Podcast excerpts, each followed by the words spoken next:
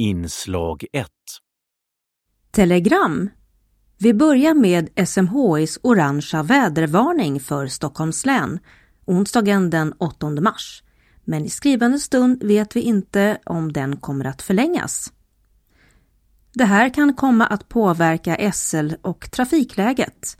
Trafiken kan behöva dras om eller reduceras tillfälligt på många platser i länet.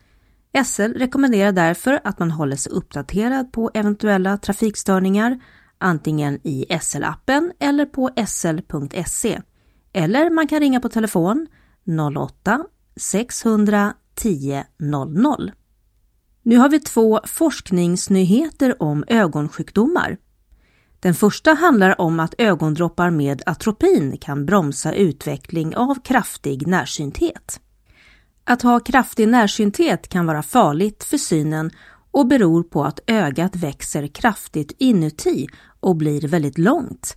Näthinnan kan bland annat drabbas av sprickbildningar.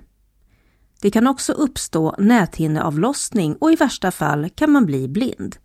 Det är viktigt att börja behandling vid unga år. Ett växande antal studier från främst Asien ger stöd för att ögondroppar med atropin i rätt dos kan bromsa närsynthet.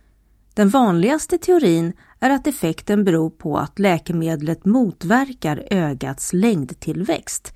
Men det finns även forskning som tyder på att behandlingen kan fungera förebyggande. Atropin har sedan tidigare använts inom ögonsjukvården bland annat för pupillvidgning vid undersökningar. I de ögondroppar som barn kan få mot närsynthet så är koncentrationen av atropin lägre. Just nu arbetas det fram nationella riktlinjer för den här behandlingen riktad mot barn. Ny behandling av torr makuladegeneration. UFDA US Food and Drug Administration i USA, som i Sverige motsvaras av Läkemedelsverket, har godkänt en ny bromsmedicin mot torr makuladegeneration som är den allra vanligaste formen av åldersförändringar i gula fläcken. Hittills finns ingen etablerad behandling för torr AMD. Läkemedlet Cyfovre pegcetacoplan-injektion, finns i dagsläget bara i USA, men det finns en begäran om att få tillstånd att använda det i Europa och eh, besked väntas i början på 2024. Vi avslutar med en posttjänst för äldre och personer med funktionsnedsättning boende i glesbygd. Om du bor i ett hushåll som betjänas av lantbrevbärare och där alla i hushållet är minst 80 år eller har en funktionsnedsättning kan du få möjlighet att få en särskild posttjänst.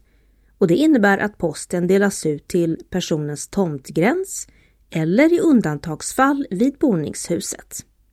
Du ansöker om posttjänst i glesbygd hos närmaste brevbärarkontor eller via din lantbrevbärare.